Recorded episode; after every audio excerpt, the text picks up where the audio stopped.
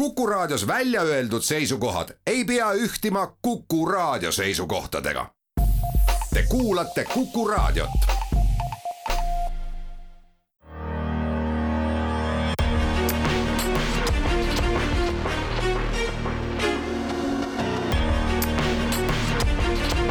välismääraja. lugupeetud Kuku Raadio kuulajad mina olen Peeter Raudsik ja eetris on Välismääraja. kuigi meie pilgud on jätkuvalt suunatud Ukrainale, sel nädalal käis ju Kiievis ka peaminister Kaja Kallas, siis muu maailm ei ole kaugeltki seisma jäänud. täna võtamegi fookusesse Araabia maailma ja seda Egiptuse olukorra ning Sudaani verise võimuvõitluse taustal. saate lõpuosas küsin rahvusvahelisi suhteid õppivate noorte käest milline on Eesti välispoliitika tulevik. aga enne siiski üks lühike mõttekäik Ukraina kohta. palju tähelepanu on saanud Ukrainale tehtud annetused ning küsimus, kas neid on ikka kõige paremini ära kasutatud. kriitika tule all on meie oma kohalik Slava Ukraini organisatsioon, mis aastad tagasi aktiivselt ukrainlastele abi saatmist hakkas korraldama loomulikult tahame me kõik, et meie antav abi oleks ära kasutatud õigel eesmärgil ning maksimaalselt efektiivselt. samas ükski riik ei ole sõdade vältel muutunud vähem äh, korruptiivseks, piisab pilgust rahvusvahelisele korruptsiooniindeksile, et näha, enne kodusõda oli Jeemen saja viiekümne neljandal kohal maailmas korruptsioonilt ning pärast sõja puhkemist sisuliselt indeksid täiesti lõpus saja seitsmekümne kuuendal. samamoodi on tabelis järjest vajunud allapoole teised viimase kümnendi jooksul konfliktidesse mattunud riigid, olgu nendeks siis Liibüa või Süüria või mõni teine. sõda toob inimeses paratamatult välja tema alalhoiuinstinkti, mis väljendub ka soovis kasu saada või seda säilitada ja seda on Exceli tabeliga väga keeruline ohjata aga ma tahan alla joonida selle, et ebaselgus abi täpse kasutamise kohta ei pärsi tingimata edu äh, sõjatandril.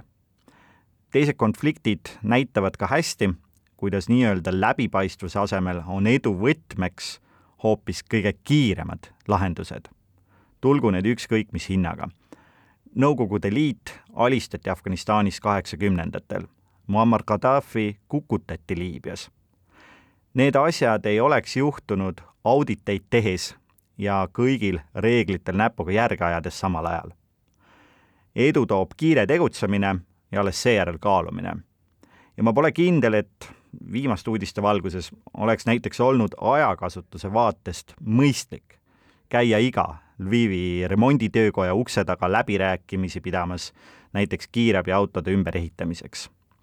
ehk siis asi, mille Slava Ukraini tegi ära, kuigi tagantjärele vaadates võib-olla oleks saanud seda teha ka paremini. ehk siis, kui mitte midagi muud, siis pealehakkamist ja kiirust on Slava Ukrainil kindlasti olnud ning ajalugu on näidanud, et just see võibki sõjas saada otsustavaks.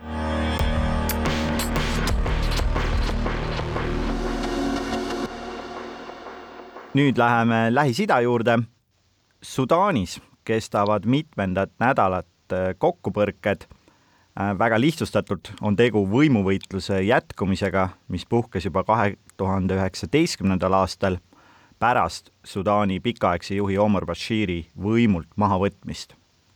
ja telefonil Kairos on nüüd Eesti suursaadik Egiptuses, Ingrid Ammer, tere! tere, Peeter! kui suure üllatusena tuli Kairo diplomaatilisele kogukonnale vägivalla kasv Sudaanis?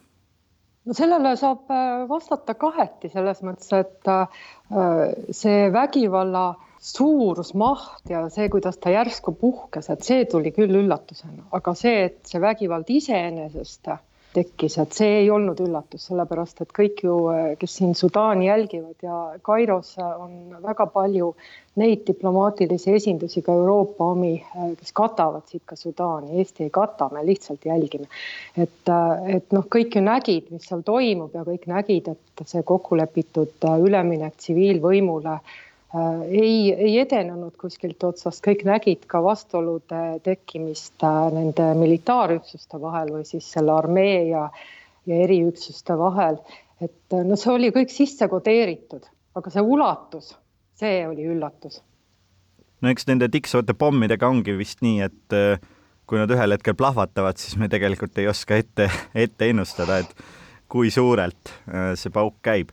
aga nüüd Egiptuse poolt vaadates, kas nemad seda mõju ka tajuvad, on see siis põgenike millegi muu näol või tegelikult hoitakse sellist delikaatset distantsi sellest, mis Sudaanis toimub?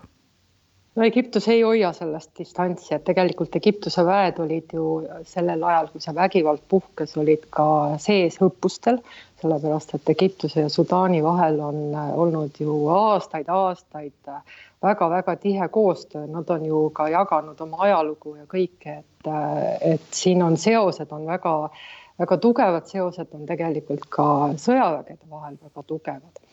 ja milline on mõju Egiptusele, et ma soovitaksin selle peale maakaarti vaadata, et selle vägivalla puhtkamisega Sudaanis Egiptus on nüüd olukorras, kus tal ei ole maismaapiire ühegi stabiilse riigiga, et äh, lähi, selles läänes on ju Liibüa, kus ei ole olukord lahenenud, lõunas on Sudaan ja ida poole läheme, siis äh, jõuame Gaza sektorisse ja ka Palestiina suunal on ju pinged viimasel väga tugevalt tõusnud.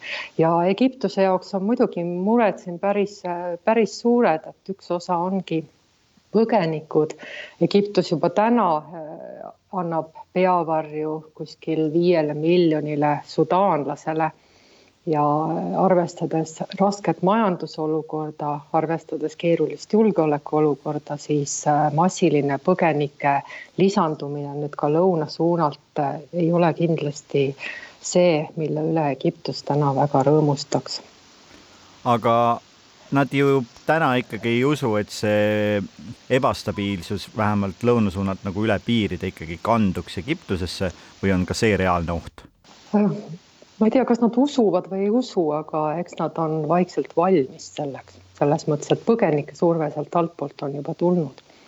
ja, ja kui see olukord ei lahene, siis tegelikult ikkagi seistakse selle olukorra ees, kus kus äh, see Sudaani vägivalla kasv võib kanduda üle piiride. kui me vaatame siis, kellega Sudaanil on piirid, siis ju tegelikult see pilt läheb veelgi keerulisemaks, et me jõuame ju otsaga Sahelisse ja Liibüasse ja ka sealt me ei näe kuskilt otsast stabiilsust, nii et tegelikult on väga oluline see, et äh, suudetakse sellele Sudaani olukorrale praegu mingisugunegi lahendus leida. Egiptus on avalikult välja öelnud, et äh, nad selles konfliktis äh, kumbagi poolt otse ei toeta. teame, et suurem sümpaatia on pigem riigi sõjaväe poolele. aga, aga noh, nende huvi on jah, praegu leida lahendus, selleks käivad siin ka regioonis päris vilkad läbirääkimised.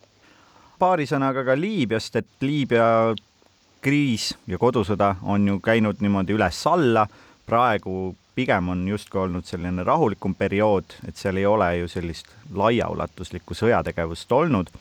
kas võib öelda, et Liibüa on ka üks tiksuv äh, pomm, et ka seal võib mõne aja pärast käia sarnane, sarnane pauk ja see ebastabiilsus taas hakkab seal vohama või tegelikult seal vaikselt ikkagi liigutakse konsolideerumise suunas, liigutakse selles suunas, et need kaks vaenupoolt seal tulevad kokku sest leppeid ju on tehtud nende vahel, relvarahusid on kehtestatud, ka naftatulude jagamist on püütud korraldada ja üle kivide kändude see õnnestub. et eh, kuidas siis on, kas see kõik on olnud tulemuseta või tegelikult siis need lepped täna peavad? aga me valimisteni ei ole ju jõudnud, et selles mõttes, et meil on ju eh, ÜRO poolt ette nähtud selline protsess ja teekaart ja ja, ja Liibüa et osapooled, kui me nii võime öelda, ei ole ju täitnud neid leppeid, eks ole, ja, ja Egiptusel on ju siin ka oma konkreetsed huvid, huvid mängus, et me teame, et Egiptus pikalt tegelikult toetas pigem iga Ida-Liibüat enda all hoidvat Haftarit ja sellel oli põhjus selles, et nad uskusid, et pigem Haftar suudab, suudab tagada stabiilsuse ja julgeoleku ja ka Egiptuse piiridel, noh, Haftar ei suutnud seda teha ja täna tegelikult on ju meil patiseis. ja, ja siin äh, hiljaaegu nägime ju ka seda, kus äh, Egiptus marssis välja Araabia liiga kohtumistel, sest oli Liibüa, Liibüa eesistumine ning äh, nad ei tunnustanud seda Liibüa välisministrit, väitsid, et valitsusel legitiimsus puudub, kuna vali, valimisi pole ju toimunud, nüüd on eesistumise võtnud Egiptus üle, et vaatame, aga fakt on selles, et eks ta natukene ikkagi tiksuv pomm ole selles mõttes, et kuniks ei ole päriselt äh, olukord ära lahendatud, äh, nii kaua need probleemid ju püsivad.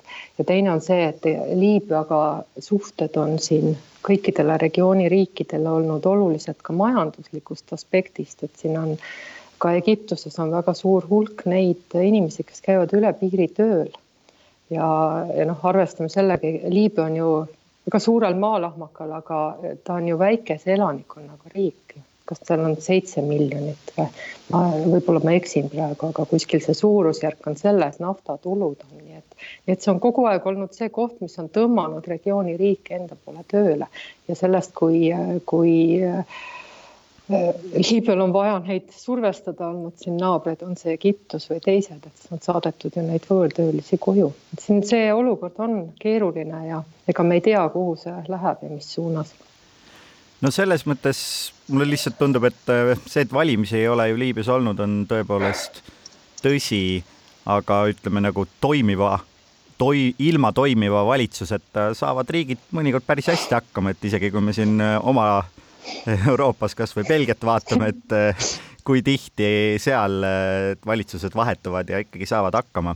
et selles mõttes mulle endale vähemalt tundub, et mis seda sellist sõjalist kokkupõrget võiks taas tuua mängu või kuidagi seda võimendada, on just see väline roll, et millise positsiooni need teised riigid võtavad, et kui nad otsustavad hakata seda õli tulle valama siis loomulikult äh, see ebastabiilsus on kiire tulema, varasemalt oleme seda näinud ja noh, Sudaani puhul täpselt sama, aga üldiselt tundub vähemalt, et need riigid, laheriigid on kuidagi natukene ettevaatlikumad, mulle tundub vähemalt. Äh, noh, mulle tundub ka natuke selles mõttes, et eks see, see Liibüa õppetund oli ka ju päris, päris hea ja ma arvan, et see on ka üks põhjuseid, mis Egiptus on, miks Egiptus on praegu ka Sudaani suunal ettevaatlikum oma poolehoiu näitamisel, et, et noh, sisuliselt mingit proksisõda ju ei taheta näidata.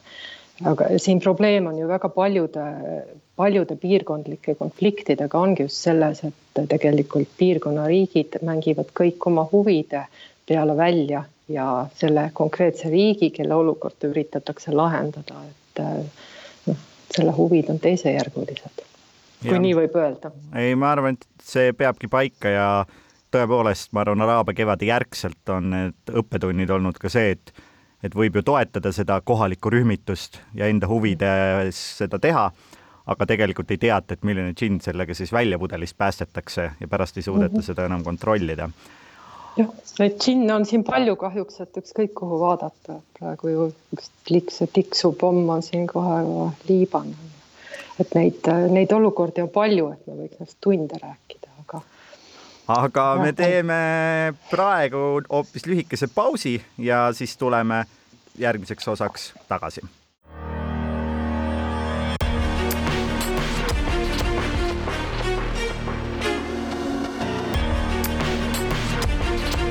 välismääraja.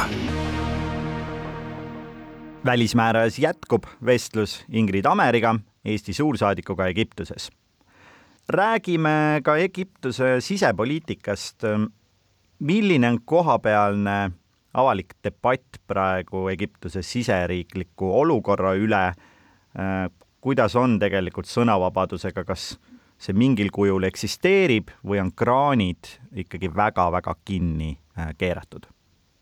see on kõik nii ja naa küsimus, selles mõttes, et debatt siin ju otse loomulikult eksisteerib ja, ja, ja mis on inimestel praegu hästi suureks mureks, on Egiptuse majandusolukord. see, mis, see esimene pauk, mis Covidiga tuli Egiptusele, eks ole, turismi kinnikeeramisega, siis teine, teine suur hoop, mille nad said, oli, kui algas sõda Ukrainas, siis tuli võib-olla paljude meie jaoks üllatusena see, kui suures sõltuvuses Egiptus sarnane suur riik on Venemaalt ja Ukrainast saadavast viljast, odavast viljast ning ka nende turistidest ja tegelikult neid noh, ütleme nii, et siin on ka väga palju muid, muid probleeme, eks ole, tegemata reformid ja makromajanduslik tasakaalustamatus ja kunstlikult kõrge, kõrge naela peal elamine. Aga, aga kõik see kokku on tekitanud olukorra, kus inimestel on igapäevase toimetulekuga kasvavad raskused, et äh, Egiptuses on eelmisest äh, märtsist alates mitu, äh, mitme etapiga nüüd siin kohalikku valuutat devalveeritud, hinnatõus on olnud meeletu, et kuskil kolmkümmend protsenti. Import on sisuliselt kinni keeratud, sest riik on valuutapuuduses. ja noh, seda, seda nimekirja võib siin jätkata ka kannatab ka nüüd keskklass, et mitte ainult, mitte ainult see vaesem osa elanikkonnast. et tegelikult see, mis põhiline mure on praegu, on majandus.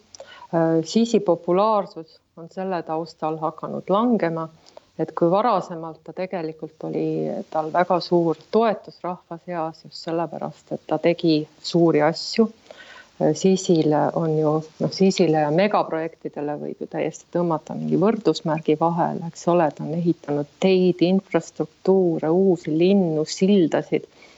et noh, täna nüüd küsitakse, et aga jah, et olgu, et meil on siin tee ja meil siin kerkib uus pealinn, aga kui mul ei ole süüa lauale panna perele, et äh, milleks see siis hea on, nii et tegelikult sellist rahulolematust on päris palju. Egiptus äh, rääkisin hiljuti eelmisel aastal läbi IMF-iga ka viimase programmi, mis praegu on kokku lepitud.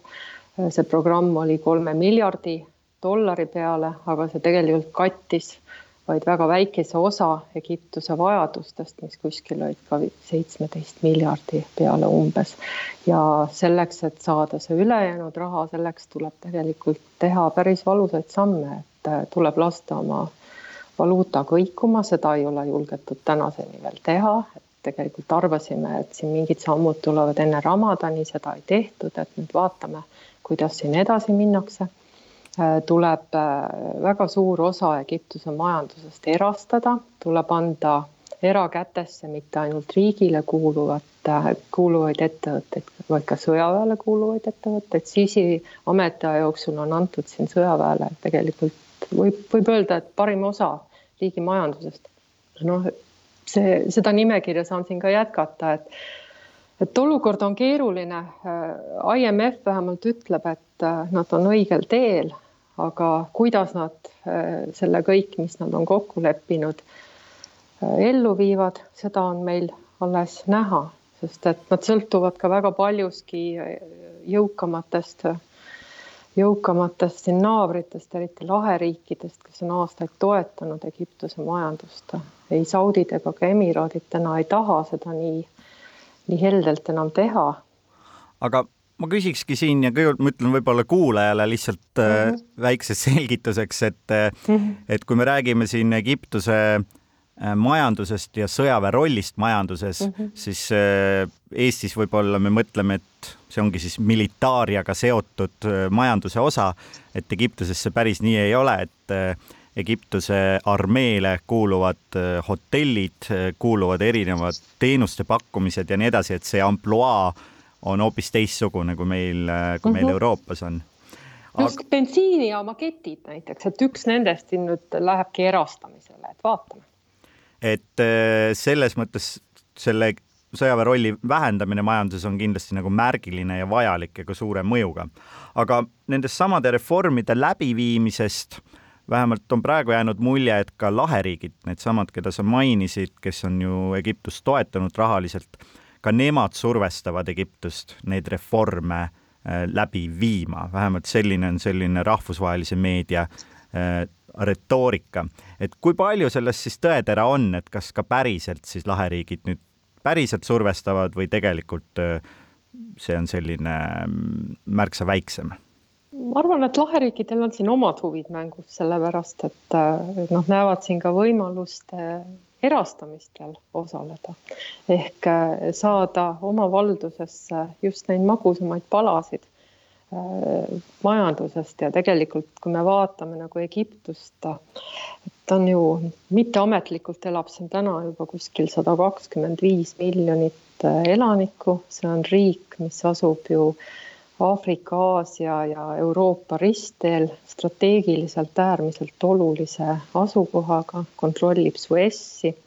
siin on äärmiselt suur potentsiaal turismile, see ei ole ainult äh, Hurghada või Sharm el Sheikhi pakettreisid, see on tegelikult palju, palju, palju suurem see potentsiaal, et äh, kogu see Vahemere rannik ja kõik need ajaloolised mälestusmärgid, et seda on siin väga palju, aga väga paljut on siin ka täna kasutamata, nii et siin on, siin on võimalusi. Ja ma veel unustasin öelda, et maagaas, siin on ju avastatud väga suuri gaasimaardlaid. Ja, ja üks üks aspekt, mille läbi siin Egiptus loodab ka ise oma majandusseisu kõvasti parandada ja mida ta on ka teinud, ongi just gaasimüük Euroopa suunal. Ja need on maardlad, mis on siis Vahemeres? just, just. Ja noh, siin ju ehitatakse, praegu on ka leppeid siin sõlmitakse siin naabritega, eks ole, neid elektriühenduste tegemisi, et tegelikult siin on väga-väga palju arenguid toimumas, et, et noh, Türgi, Egiptuse, Küprose suunal, Kreeka. Selles mõttes kogu selle Ida-Vahemere regiooni jah mm,, majanduslik potentsiaal alles vist äh, hakkab alles avalduma ja mm -hmm. ma arvan, et see on hea tähelepanek, et äh, laheriikide huvi neid reforme äh, oma konkurente, kelleks on siis antud juhul näiteks Egiptuse sõjavägi äh,, et neid tasalülitada, siis ka räägitakse nendest reformidest võib-olla aktiivsemalt, kui võib-olla muidu ja. seda tehtaks. aga ma küsin veel selle siseriiklik paraku sellise mure kõrge inflatsioon, et siin ka aasta lõpuks või tähendab juba juuniks tegelikult arvatakse, et aastane inflatsioon on viiskümmend kolm protsenti. et kõige selle taustal, kui palju egiptlased räägivad migratsioonist, sellest, et soovitakse lahkuda äh, riigist ja kas see võib ühel hetkel hakata mõjutama ka olukorda Euroopa äh, lõunapiiridel egiptlased ju tegelikult rohkem, kui nende töörännet vaadata, et siis äh, või siis näiteks ka seda, et kui siin Kainus ringi riikida, et siis näeb, et kõige suuremad äh, järjekorrad on kuskil Kuveidi saatkonna ees ja et nende tööränne pigem on äh, Araabia maailma suunal, et rikkamate Araabia riikide poole aga noh, fakt on see ka, et ega see, ega see Euroopa-poolne surve võib ikkagi ka tugevneda, lihtsalt egiptlased ei ole olnud see esimene sihtmärk, siin võib, mis on oht, on see, et noh, egiptlasi käib ju väga palju, eks ole, üle piiri Liibüast tööle, et see Liibüast ja, ja kui siin need piirid ei pea, siis tegelikult ja seda on ka juhtunud ja on näinud, et, et see rändesurve kasvab aga iga, iga ebastabiilsus kasvatab ja, ja noh, nii ongi. Egiptus on siiani olnud ju rändeteemadel Euroopale päris hea partner, aga mida rohkem on ohumärke, mida, mida raskemaks läheb olukord majanduses, mida keerulisemaks äh, on tavalisel inimesel muutunud oma perekonna ülalpidamine. noh, siin ei olegi, siin ei ole kaugele mõelda lihtsalt, mis on takistanud ka nagu seda Euroopa suunalist rännet, on see, et siin on väga palju, on seda elanikkonda, kes tegelikult ei räägi inglise keelt ja sellest on ka ju nende lihttööliste äh, see tööränne rohkem olnud Araabia maade keskne, eks. et äh, Egiptuse kõrgklass ja nemad armastavad väga Euroopat ja kui, kui rääkida seda, et kuhu nemad panevad oma lapsi õppima või kuhu nemad käivad reisimas, siis see on ikkagi Euroopa koolid eelkõige, Euroopa riigid, aga, aga see mass ja seda massi on siin ju väga-väga palju. et väidetavalt kuskil kolmkümmend protsenti egiptlastest elab noh, päris vaesuses alla kolme poole dollari päevas, aga, aga nende hulk kes on sunnitud hakkama saama kuskil viie poole dollariga päevas, mingi seitsekümmend protsenti. ja kui see, need majandusraskused siin suurenevad, siis tõenäoliselt see vaesuses olevate inimeste arv ka suureneb, eks. ja noh, praegu kannatab ka keskklass. see kõik kindlasti veel ei ole ka läbi, et ma arvan, et see on ka kuulajale selles mõttes oluline, et see ei ole nüüd amps, mis jääb üksikuks, vaid ma usun, et me tuleme selle teema juurde, Egiptuse juurde juba peatselt äh, tagasi. aga aitäh nende kommentaaride eest, äh, Ingrid Amer, Eesti suursaadik Egiptuses. aitäh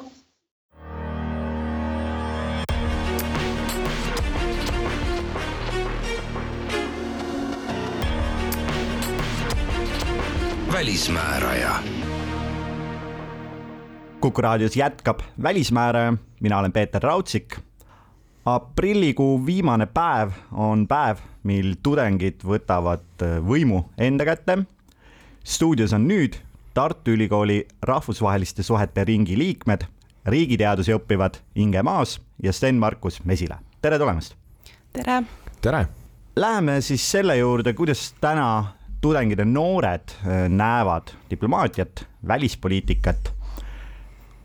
Venemaa sissetung Ukrainasse, kuidas see muutis äh, hoiakut rahvusvahelistes suhetes noorte seas?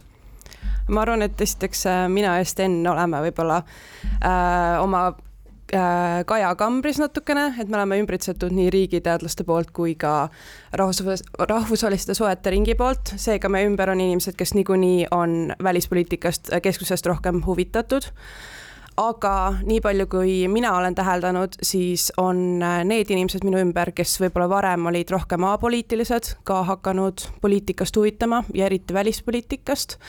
seega ma ütleks, et praegu selle natuke rohkem kui aasta jooksul on kindlasti see huvi äh, tõusnud, aga kuivõrd see nagu jätkuva trendina äh, jääb, siis seda ma ei oska öelda ma arvan, et äh, huvitav on ka mõelda selle peale, et rahvusvahelist poliitikat vaadatakse üldjuhul kui rohkem sellist nagu vähem räpas poliitika vormi võrreldes nii-öelda siseriikliku poliitikaga võib-olla.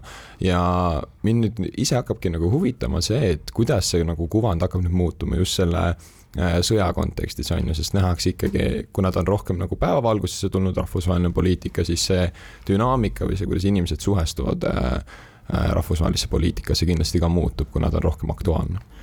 jah, ja me ju tegelikult ka täna näeme, et mingid probleemid, mis olid ju Ukrainas, korruptsioon, vahepeal justkui kogu selles sõja tuhinas ja õhinas toetumise, Ukraina toetamises jäi tahaplaanile, aga tegelikult igasugu rahade liikumistega seotud probleemid, et nüüd on järsku jälle sellise suure punase küsimärgi endale saanud.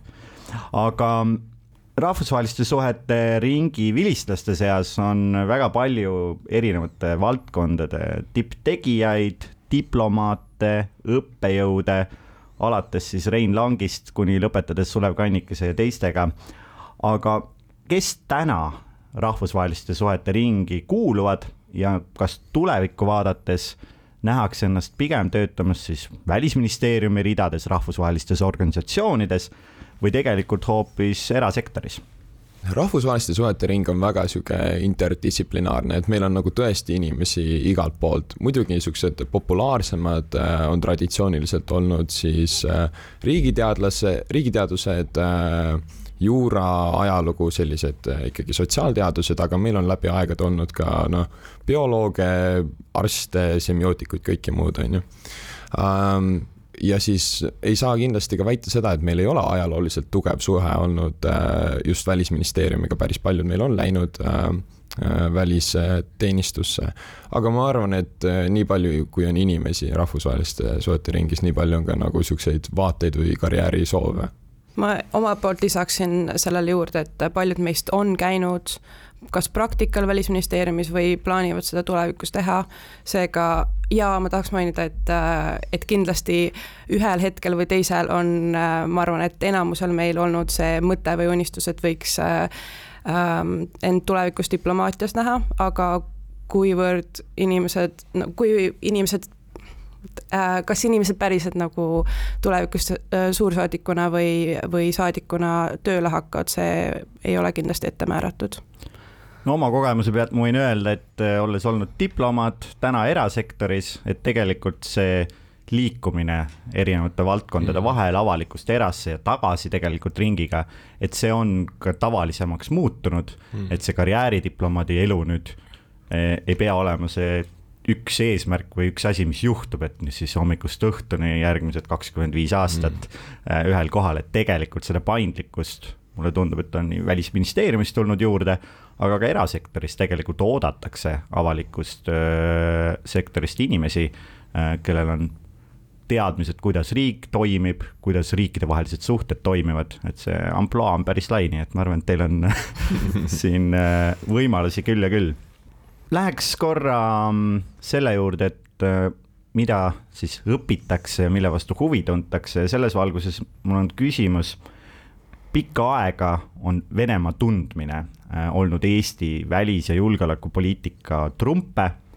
Äh, samas siis noorte seas tegelikult ju vene keele oskus, vähemalt statistika järgi, on kahanenud ja meie riikide vahel suhtlus Eesti ja Venemaa vahel on samuti seda on vähemaks jäänud ja seda arusaadavatel põhjustel. aga kuidas teile tundub, et äh, kas siin peaks midagi ära tegema selleks, et me taas teaksime Venemaast rohkem, et ka noored tegelikult päriselt saaksid aru Venemaast kui riigist, äh, sellest ka kultuurist.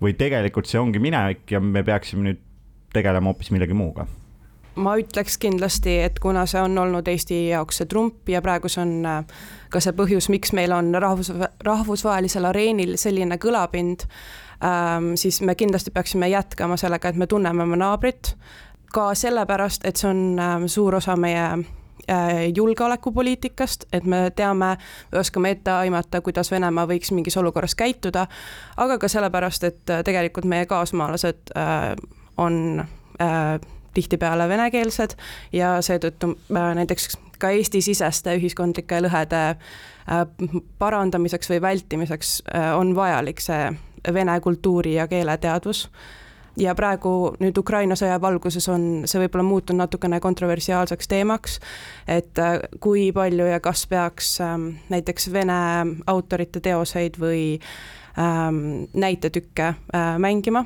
aga ma arvan, et äh, see võiks olla selline, selline koht, kus äh, äkki võiks mõelda sellele, et äh, riik ja kultuur nagu eristada äh,, sellepärast et äh, ma usun, et sellel on tegelikult palju nagu positiivsemaid vaateid, kui me lihtsalt ei kustuta ära äh, seda idee, ideed Venemaast, vaid äh, me üritame sellele läheneda nagu konstruktiivselt, sest Venemaa tundmine on ikkagi, nagu te ütlesite ka, Äh, väga oluline olnud äh, Eesti jaoks minevikus ja ma arvan, et see võib olla meie trump ka tulevikus. no meie julgeolekupoliitika ekspertide seas on ka neid, kes siis ikkagi sellesama sõja viivad tagasi Vene hingeni ja ütlevad, et seal ei olegi midagi teha. Äh, mina ise ei ole ka sellega lõpuni nõus, aga noh, see vastuolu on siin jah, päris teravaks läinud, et Sten, kuidas kuidas me sellest siis üle saaksime, et kuidas noorte, noored saaksid vene keelt õppida, kuidas meil see teadmine paraneks? oih äh,, väga hea küsimus äh,. mina arvan, et äh, see, see nii-öelda muudatus peabki tulema sellisest äh, laiemast äh,, võib-olla isegi poliitilisel tasandil, et äh, ma ei kujuta ette, et meil on otsene niisugune nagu mingi riiklik äh, poliitika, mida sa saad teha, et äh, inimesed hakkaksid rohkem vene keelt rääkima, sest nagu see väga palju toetub ju sellele, et meil oleks äh, nagu väljund vene keelele, et nagu venekeelse meedia tarbimine on praegu, sorry, aga täielik jama, on ju. ja vähemalt siin Eesti ma mastaabis, on ju, ja, ja senikaua, kuni sul, ma ei tea, ei ole niisugust lõimumist ka, mis kahe kogukonna vahel nii intensiivselt toimuks, siis seda väljundit nagu tõesti ei ole aga nagu noh, lubavad võib-olla väljundid on niisugune vastastikune keelekümblus, on ju, aga see eeldaks ka sellist nagu kultuurilise suhtumise muutumist vene keele osas. aga Ukraina noortega, kes vene keelt räägivad, nendega räägiksite hea meelega, olenevalt sellest, kuidas teie vene keele tase on, kas nendega vene keeles oleksite valmis rääkima või tahaksite nendega inglise keeles rääkida ähm,? ma kusjuures äh, paar nädalat tagasi kohtusin äh, kahe äh, Ukraina noorega Harkivist ja nad rääkisid ainult vene keelt ja õnneks mul oli sõbranna kaasas, kes on vene keeles äh, väga sorav ja ma ise seal kõrval nagu natukene siit ja sealt kasutasin oma vene keele teadmisi, aga ma sain päris hästi aru, seega ähm, ma arvan, et siin on, ei ole pigem see, et mis keelt me tahaksime kasutada või eelistaksime kasutada, vaid see noh, olukorrapõhiselt, kuidas hakkama saada. Ja meil kindlasti on see nagu soov äh, suhelda äh, nendega. Ja jah, siis peab vaatama, mis vahenditega see võimalik on ma loodan, et mu vene keele õpetaja ei kuula seda, aga ma ei suudaks nagu vestlust üleval hoida, kahjuks. Mul vene keel on ikka nii unarusse jäänud kuidagi. aga, aga mul selle vastu midagi ei ole, jumal hoia, et inimestele vastu tulla. Ja need on niikuinii keerulisest olukorrast tulnud, et ma arvan, me peaksime nagu noh, nii palju, kui saame punast vaipa maha panema see kõlab äh, väga mõistlikult ja jällegi mul on hea meel kuulda, et noh, nagu noorte seas selline üldine valmisolek nagu olla paindlik ja tegelikult nagu lähtuda sellest inimesest rohkem ja on esiplaanil ja siis vähem äh, see selline põhimõtteline, et nüüd paneme, keelame kõik ära ja, ja tegelikult lõikame läbi ka mingisugused äh, suhted, mida võib-olla ei peaks läbi lõikama. aga rahvusvaheliste suhete õppimise puhul äh, hüppan teise valdkonda, on väga palju erinevaid teooriaid ja olles ise ka rahvusvahelisi suhteid õppinud äh,, siis ma olen näinud äh, hiljem diplomaadina, kas ja kuidas need ka siis päriselt rakenduvad. aga kuidas teile tundub, et äh, need asjad, mida te õpite rahvussuhete kohta, kui relevantsed need on siis tänases maailmas teie uudisvoo suhtluse põhjal? Äh, ma arvan, et äh, esiteks tuleks kindlasti nentida, et äh, sotsiaalteaduste teooriad ei ole kuidagi sama asi, mis on täppisteaduste teooriad. Nende eesmärk ei ole nagu sajaprotsendiliselt ette ennustada, mis tuleb, vaid pigem on eesmärk anda mingisugune struktuur analüüsiks, mida ma arvan, et nad päris hästi teevad. Ähm, on kindlasti selliseid teooriaid, mis võib-olla rohkem vett peavad ähm, näiteks, et äh, demokraatlikud riigid ei kipu omavahel nii palju sõdima, aga jah, nendest kindlasti ei tohiks äh,, ainult nendest kindlasti ei tohiks lähtuda, et äh, poliit-, poliitikale, poliitoloogiale üldiselt ja rahvusvahelistele suhetele heidetakse ette, et ähm, tihtipeale jäetakse kinni nii-öelda elevandiluutorni ja kindlasti nagu analüüsi tehes äh, tuleks äh, vaadata ka, mis nagu empiirikas toimub ja kuidas need ähm, ma ei tea, konfliktid ja rahvusvahelised juh-, juhtumid nagu päriselt välja mängivad. et ei tohiks lähtuda ainult teooriatest. no tegelikult ka nii on ja, aga mulle lihtsalt tundub, et mõned päevadiplomaadid isegi mõnikord alahindavad nende teooriate väärtust mm., et äh, ise ma ikkagi püüan tagasi küll mõelda sellele, et mida, mida ma siis kuskil õppisin. aga ma küsin äh, lõpetuseks äh, meil astus ametisse just uus välisminister ja peale Ukraina, mis on loomulikult Eesti prioriteet number üks, kaks, kolm, kaugemale tulevikku vaadates, mis võiks olla uue välisministri selline leivanumber? Äh, mina arvan, et äh, siin noh, üle Euroopa on nüüd lähiajal sõitnud juba kolm-neli erinevat kriisi ja niisugune tunne nagu kahe aastaga oleks kakskümmend aastat vanemaks jäänud, on ju. aga ma arvan, et kõige selle kõrval on see üks püsima jäänud nii-öelda A ja O muidugi Ukraina konflikti kõrval siis kliimaküsimused. ja ma arvan, et Eesti võiks kindlasti rohkem nagu rõhku nendele panna, arvestades, kui palju just Põhjamaad äh, sellele panevad, et mitte nagu selles küsimuses niivõrd maha jääda ja teine asi, mis, mis ma arvan, et spetsiifiliselt just Eesti positsioonist lähtuvalt on äh, väga relevantne asi, on selline Euroopa-sisene ääremaastumine. mõeldes siis nagu brain drain'ile on ju äh, rikkamatesse Lääne-Euroopa riikidesse, siis Eesti kui selline noh, Ida-Euroopa üks jõukamaid riike võiks äh, kuidagi seda teemat rohkem tõstatada ka nende ees, kes ei ole nii õnnelikud võib-olla olnud sellel üleminekul ma lisaksin juurde, et Äh, kliimakriisiga võitlemise suhtes äh, on hästi oluline selline teaduslik äh, rahvusvaheline koostöö, teadusdiplomaatia, sest kliimakriis on nii suur ettevõtmine, et seda kindlasti ei saa ükski riik iseseisvalt lahendada ja seega nagu Euroopa kontekstis oleks see kindlasti hästi oluline asi, mida meeles pidada. ja võib-olla äh, lisada veel ka seda, et Ukraina kriisi valguses on Eesti saanud sellel rahvusvahelisel areenil sellise kõlapinna, nagu ta on, võib-olla pretsedenditult suure, aga seda võiks püüda nii palju kui võimalik säilitada, sest väikse riigi jaoks on äh, väga oluline. Äh, ja kui nüüd sügisel oli äh, äh, von der Leyeni äh, olukorrast liidus kõne ja seal üks olulisemaid teemasid oli see, et Euroopa Liit peaks laienema Ukrainasse, Moldovasse, Gruusiasse, Balkani riikidesse, siis Eesti võiks olla seal eesotsas selles suhtes, et meil on, mida öelda, me teame, me paljude nende riikidega meil on sarnane minevik, ehk siis see võiks olla järgmine koht, kus Eesti on eesotsas selle idapartnerluse edendamisel me ju tegelikult oleme varem mänginud päris tugevat rolli. ma olen nõus, et see on kuidagi jäänud natukene tahaplaanile siin erinevatel põhjustel, et äh, sellele uue hingamise andmine tõepoolest, äh, ma arvan, et sellel on väärtus ja samamoodi see mõte sellest, et olla ka Euroopa Liidu ääremaade justkui eestkõneleja, äh, sellel on ka kindlasti, ma arvan, oleks päris põnev nagu näha, kuidas seda saaks paremini teha ja millist rolli Eesti võiks seal mängida. nii et ma loodan, et Margus Tsahkna kuulas äh, tänast saadet ja noppis siit äh, nii mõndagi ülesse.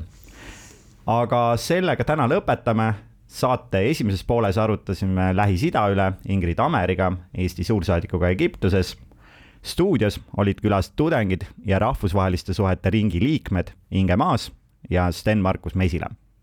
mina olin saatejuht Peeter Raudsik meeleolekut lähenevat Volbriööd. välismääraja on taas eetris juba nädala pärast kell üksteist.